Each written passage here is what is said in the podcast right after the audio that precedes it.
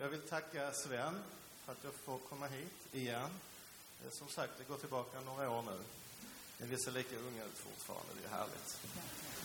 Eh, vill tacka ambassadör Bachman och Snatt. Ni ska veta att ambassadören och hans hustru gör ett jättebra arbete för Israel i det här landet. Och det här är ett väldigt svårt land att göra gott arbete för Israel i. För det här är ju ett land som tillhör de mest sekulära i världen. Där också informationen och kunskapen om Israel är så fullkomligt usel, måste jag tyvärr säga. Så att vara ambassadör här för Israel kan inte vara lätt. Men ambassadören gör det med gott mod, med positivt tänkande och utan att sväva på målet. Och det är ju precis så det måste vara. Som ni hör inte jag född i Israel, eller hur? Den här dialekten får man när man är född i Skåne. I Helsingborg i mitt fall. Men ändå är Israel mitt land.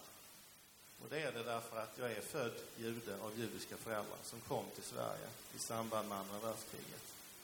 Och eh, då är Israel vår trygghet och vårt hemland. Därför att det faktum att jag råkar vara här idag och att jag lever i Sverige, det är en slump. Eller Guds mening eller försyn eller någonting sådant. Men i varje fall var det inte något som var menat så från min familjs sida. Utan båda mina föräldrar kom hit som flyktingar. Och därför är Sverige naturligtvis mitt hemland. Jag är svensk medborgare. Jag till och med talar något som påminner om svenska. Men eh, ändå är, ju, är jag jude och Israel är mitt eviga hemland. Det går tillbaka mycket längre än 50, 60, 70 år. Som min personliga historia gör. Och om vi tar ett ögonblick och tänker tanken att Israel hade funnits eller bildats 1938 istället för 1948. Tänk den tanken i en sekund. Så förstår ni ju varför Israel är mitt hemland. Eller hur? De tio åren gör en väldigt stor skillnad. Jag förlorade själv och mina föräldrar förlorade ett 80-tal släktingar i Förintelsen. De hade funnits då. Så enkelt är det. Och efter kriget var det ju så att de enda som fortfarande levde var min mor. Ingen i min pappas familj, ingen i min mammas familj, utom en kusin som lyckades- överleva och komma till USA. Alla andra släktingar som fanns när min mor befriades 1945, det var ett fåtal släktingar i Israel. Därför att hon hade en morbror som lämnade Polen på 20-talet för att komma till Israel och bygga upp det judiska hemlandet. Gifte sig, fick barn, bilda familj där. Och därför är Israel självklart mitt hemland.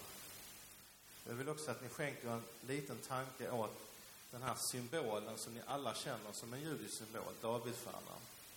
Den judiska traditionen och vår bakgrund är en stolt tradition, det är en rik tradition, det är en kunskapsbaserad tradition. Det är tradition som för tron på Gud och förbundet mellan Gud och det judiska folket vidare. Som också ger er ert förbund med Gud genom Jesus som föddes, levde och faktiskt dog som jude. Det får vi inte glömma. Den här Davidstjärnan är en väldigt stark, mäktig judisk symbol som nazisterna ville göra till något annat. Man valde att under 12 år, från 1933 tills man till slut förlorade kriget, att göra vår Davidsstjärna till någonting helt annat. Till något pestsmittat, negativt, eh, ett lidande, förföljelse, förintelse. Att vi inte var människovärdiga. Vi var inte människor, vi var lägre än djur. Och för att visa det gjorde man Davidsstjärnan till någonting helt annat. Som vi skulle sy på våra kläder och sätta på våra armar. Och vi skulle tatuera våra armar till och med. Inte med Davidsstjärnor, men med nummer. Ni känner alla till den historien, eller hur? Man gjorde alltså detta på 12 år. Och det är gräsligt. Men bara tre år senare, kom ihåg detta, bara tre år senare, 1948, så bildades den nya judiska staten Israel. Och det är en judisk stat Israel. Det är inte vilket land som helst. Det är en judisk stat för mig och alla judar runt om i världen att kunna känna oss hemma i. Det är det viktiga med landet Israel. Och man valde att sätta den Davidsstjärnan som nazisterna hade gjort till lidande, förföljelse och död. Det satte man på den israeliska flaggan för att vända på detta igen. Davidsstjärnan ska inte vara det som nazisterna gjorde den till. Davidsstjärnan ska vara positivt. Det ska visa på stolthet, tradition, överlevnad, framgång, framtidsvilja och helt enkelt en önskan om en fantastisk framtid i enlighet med vår tradition. Och att välja att göra detta bara tre år efter Förintelsen i det här landet som bildades som hade så få invånare egentligen, speciellt jämfört med de omgivande länderna. Och många av dem som bodde i Israel då kom dessutom från Förintelsen och kriget till Israel. Staten väljer att sätta denna symbol på sin nya flagga. Det är en oerhört stark tanke och liknelse. Och det gör att jag tänker att Israel kan aldrig besegras. Det land som väljer att tänka på sig själv på det sättet kan aldrig tvingas på knä och aldrig förlora. Vilket också har visat sig sedan 1948. Israel får mig som jude att gå rakryggad. Israel får alla judar i världen att kunna gå rakryggade. Och det kunde vi inte under 2000 år. För vi var tvungna att förlita oss på att de länder vi levde i, att de härskarna som styrde över oss var vänliga mot oss och lät oss leva som vi ville. Nu behöver vi inte tänka så länge, tack vare Israel. Därför är Israel också mitt land. Fast jag är en jude född i Helsingborg med den här gräsliga dialekten och som bor här i Sverige. Israel är lika mycket mitt land. Antisemitismen är ett gissel som vi aldrig blir av med. Den ökar i Sverige, den ökar i hela Europa. Och många av oss judar känner oss inte trygga. Vi funderar på, finns det någon framtid för judar i Europa överhuvudtaget? Vågar vi visa vilka vi är? Vågar vi gå med en Davidsstjärna om halsen? Vågar vi gå med en kippa på huvudet om vi vill det? Vågar vi tala öppet med vänner på tunnelbanan, på bussar, på stan om vad och vem vi är? Många gör inte det och det beror på att vi har erfarenheter som inte är positiva. Tyvärr.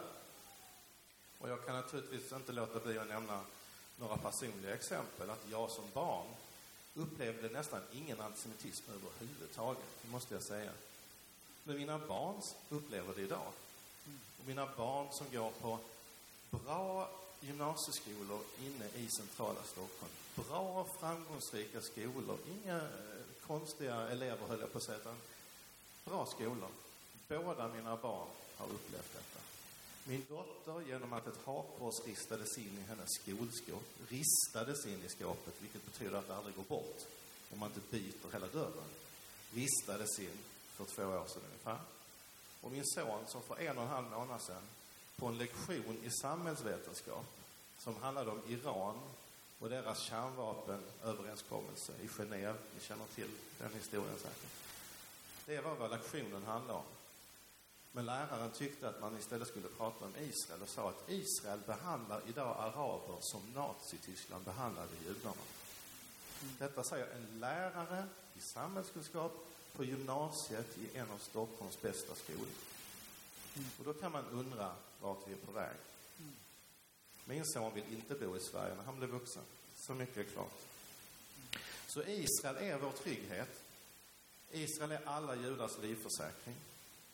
Israel är landet som alltid bryr sig om oss, som alltid välkomnar oss och som alltid ställer upp för oss.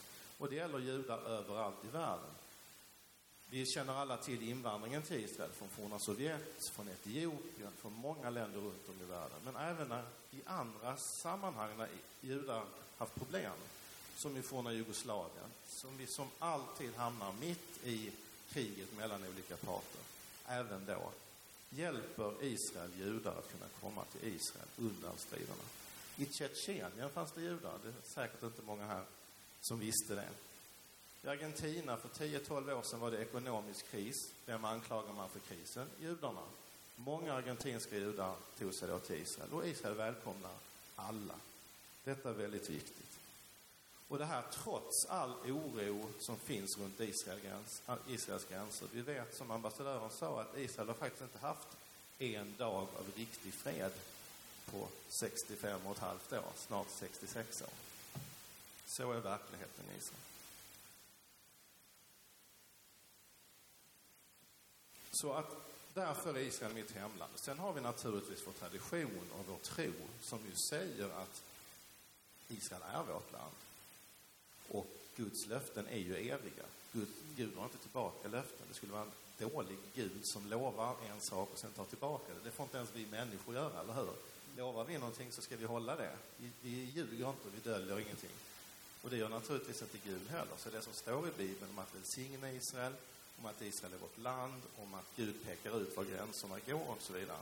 Det gäller ju naturligtvis.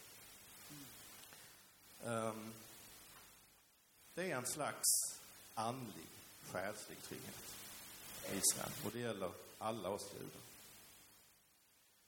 Ambassadören berörde det här med bojkott, olika sätt som folk försöker nästan desavouera Israel eller förfölja Israel som en judisk stat och som ett land. Just nu håller jag på med en diskussion med Nordea, som är en av några banker som ska undersöka om man ska fortsätta ha affärer med israeliska banker. Jag råkar vara kund i Nordea och därför har jag nu ställt en fråga till ansvarig på Nordea om vad detta egentligen betyder. För om det är så att Nordea och Danske Bank och det finns andra funderar på att bojkotta israeliska banker av någon anledning, då vill inte jag vara kund i den banken. Och fyra sätt, jag brukar tala om fyra sätt att stödja Israel på. Och det är att resa till Israel. Och det ska ni göra i april, maj. Och det ska många här göra, tycker jag. Ni som inte har anmält er, gör det. Har ni inte varit i Israel förr kommer ni älska landet och vilja åka tillbaka och inte vilja åka hem. Det kan jag garantera. Så ni ska absolut följa med till Israel. Det är det ena sättet. Man kan be för Israel, välsigna Israel på det sättet.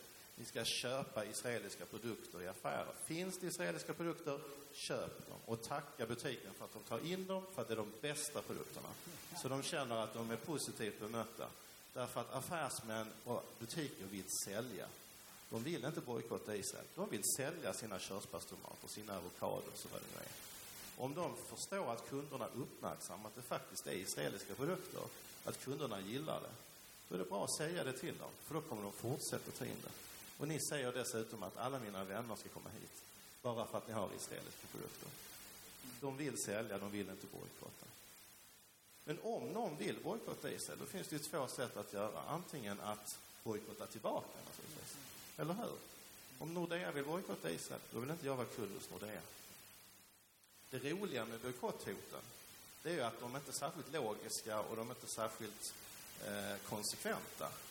Därför att som vi hörde ambassadören säga så finns ju israelisk teknik i all modern teknik som människor använder. Så de som vill bojkotta, de vill inte köpa israeliska apelsiner. Men de använder gärna mobiltelefoner med israelisk produktion. Det är helt makalöst och det borde man påpeka för dem. Så fort ni träffar på någon som vill bojkotta Israel, säg till dem, ta då ingen israelisk medicin. Ta ingen medicin som är utvecklad i Israel. Köp en telefon utan israelisk teknik. Använd en dator utan israelisk teknik. Skicka inga sms och ta inte emot några sms. Då är de trovärdiga. Annars är inga bojkotthot trovärdiga överhuvudtaget.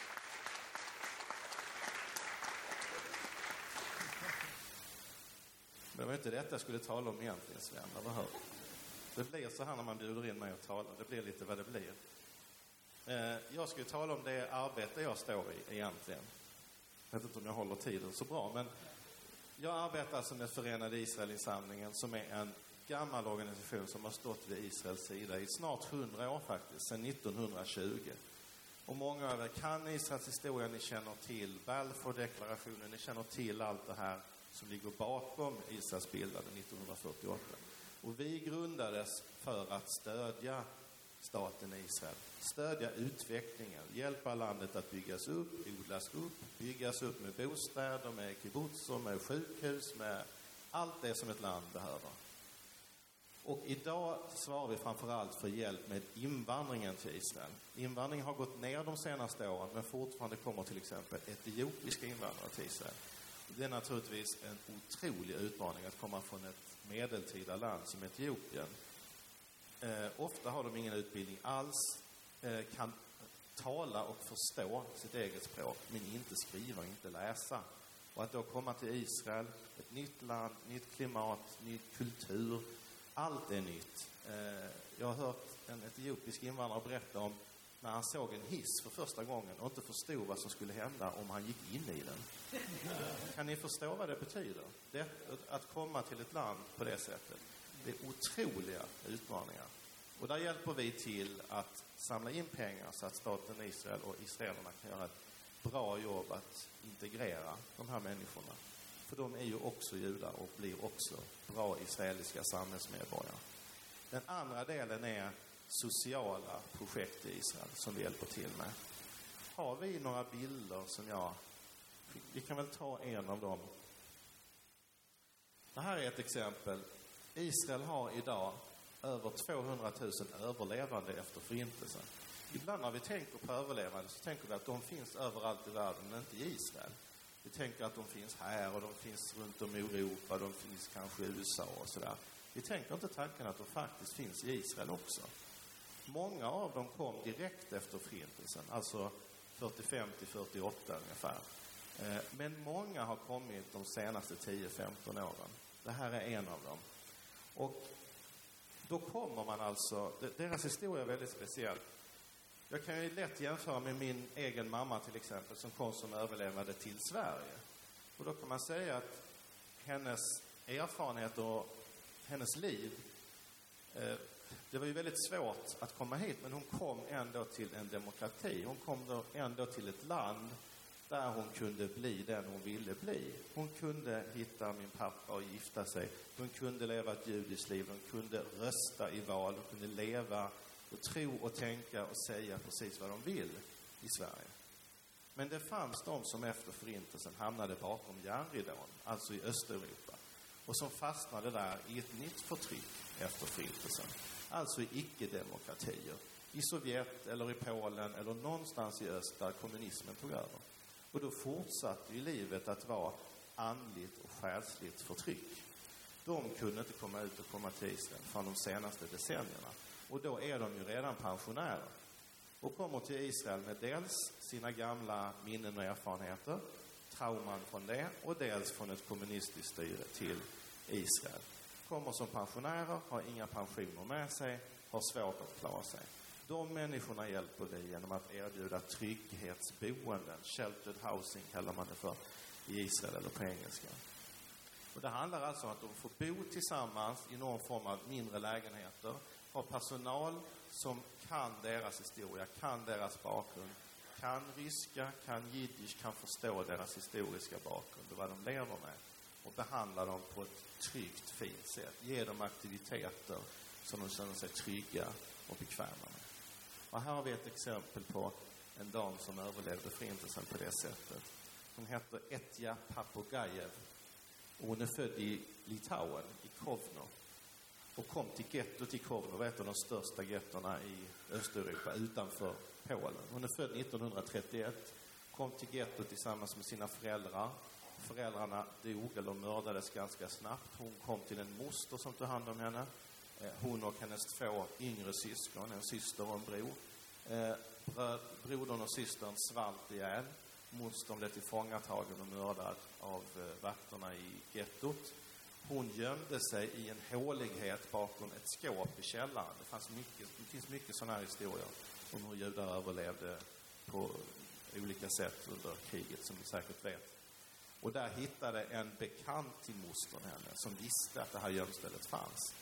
Hon smugglades ut ur gettot och gömdes som en vanlig litauisk flicka, så att säga, resten av kriget. Överlevde. Hamnar sen, hamnar sen i, som ni vet, Baltikum, hamnar under kommunismen, under Sovjetunionen. Och först när Baltikum blev fritt kunde hon lämna Israel och komma, lämna landet och komma till Israel. Så hon bor på ett av de här äldreboendena som vi stödjer i Bat Yam, lite söder om Tel Aviv. Jag kan ta en annan bild. Eh, det här är en fantastisk man. Han heter Semyon Rosenfeldt. Han är född 1922, så han är alltså 92 år i år. Han kom till Sobibor, som var ett förintelseläger. Det var alltså inte ett arbetsläger eller koncentrationsläger. Där mördades judar så fort de kom hit, kom dit. Han och sju andra är de enda som lyckades överleva genom att, jag vet inte hur, genom att gömma sig, genom att fly. Han anslöt sig till Röda armén för han ville bekämpa nazisterna.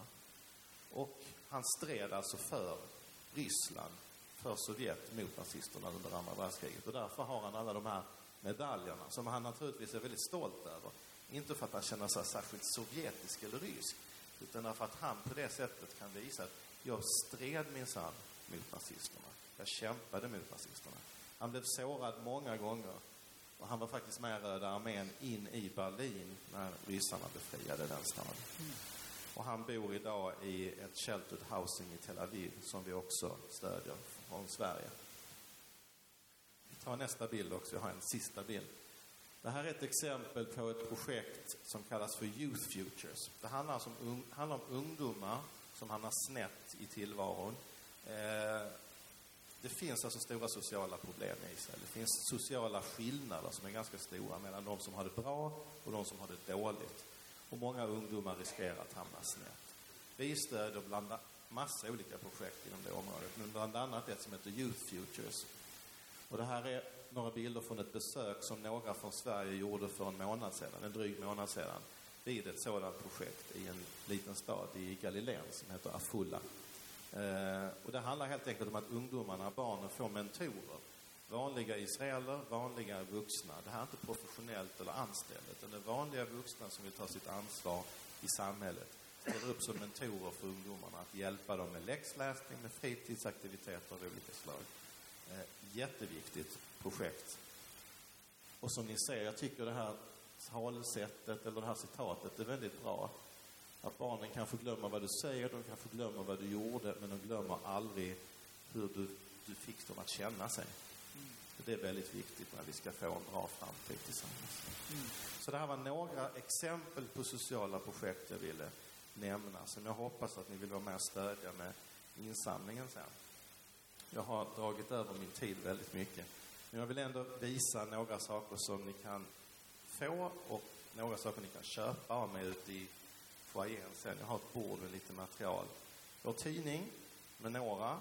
Den kan ni bara ta. Den kommer att finnas på bord där ute. Ni kan skriva upp er på listor om ni vill ha den i brevlådan framöver. Gratis. Eh, vi har en folder som skriver lite kort om vårt arbete.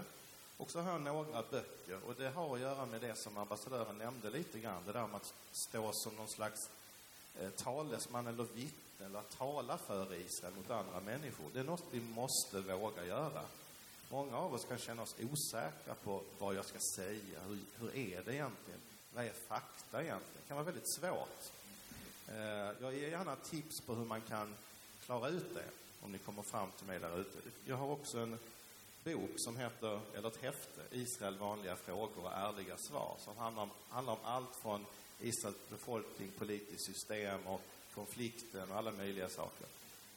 Eh, den måste jag sälja, för den, kost, den kostar lite att tillverka. Men den kan ni köpa av mig där ute.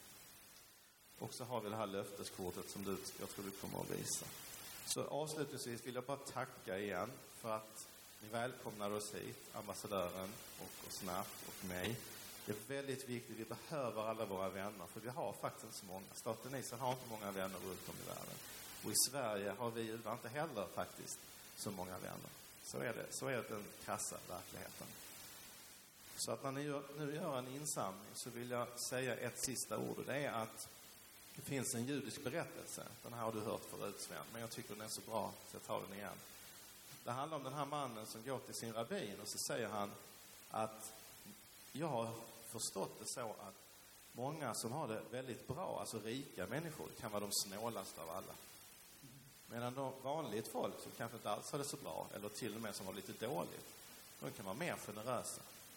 Så frågar han rabbinen, stämmer detta? Och i så fall, varför är det på det sättet? Och då säger rabbinen, det, det kan nog stämma, det är faktiskt inte så konstigt. Gå fram till fönstret och titta ut och säg mig vad du ser. Och mannen går fram till fönstret, han tittar ut. Säger han, ja, jag ser det som finns ute på gatan. Det finns människor och det finns affärer och hundar och ja, jag ser det som finns helt enkelt. Ja, gå fram till spegeln, säger rabbinen. Och säg mig vad du ser.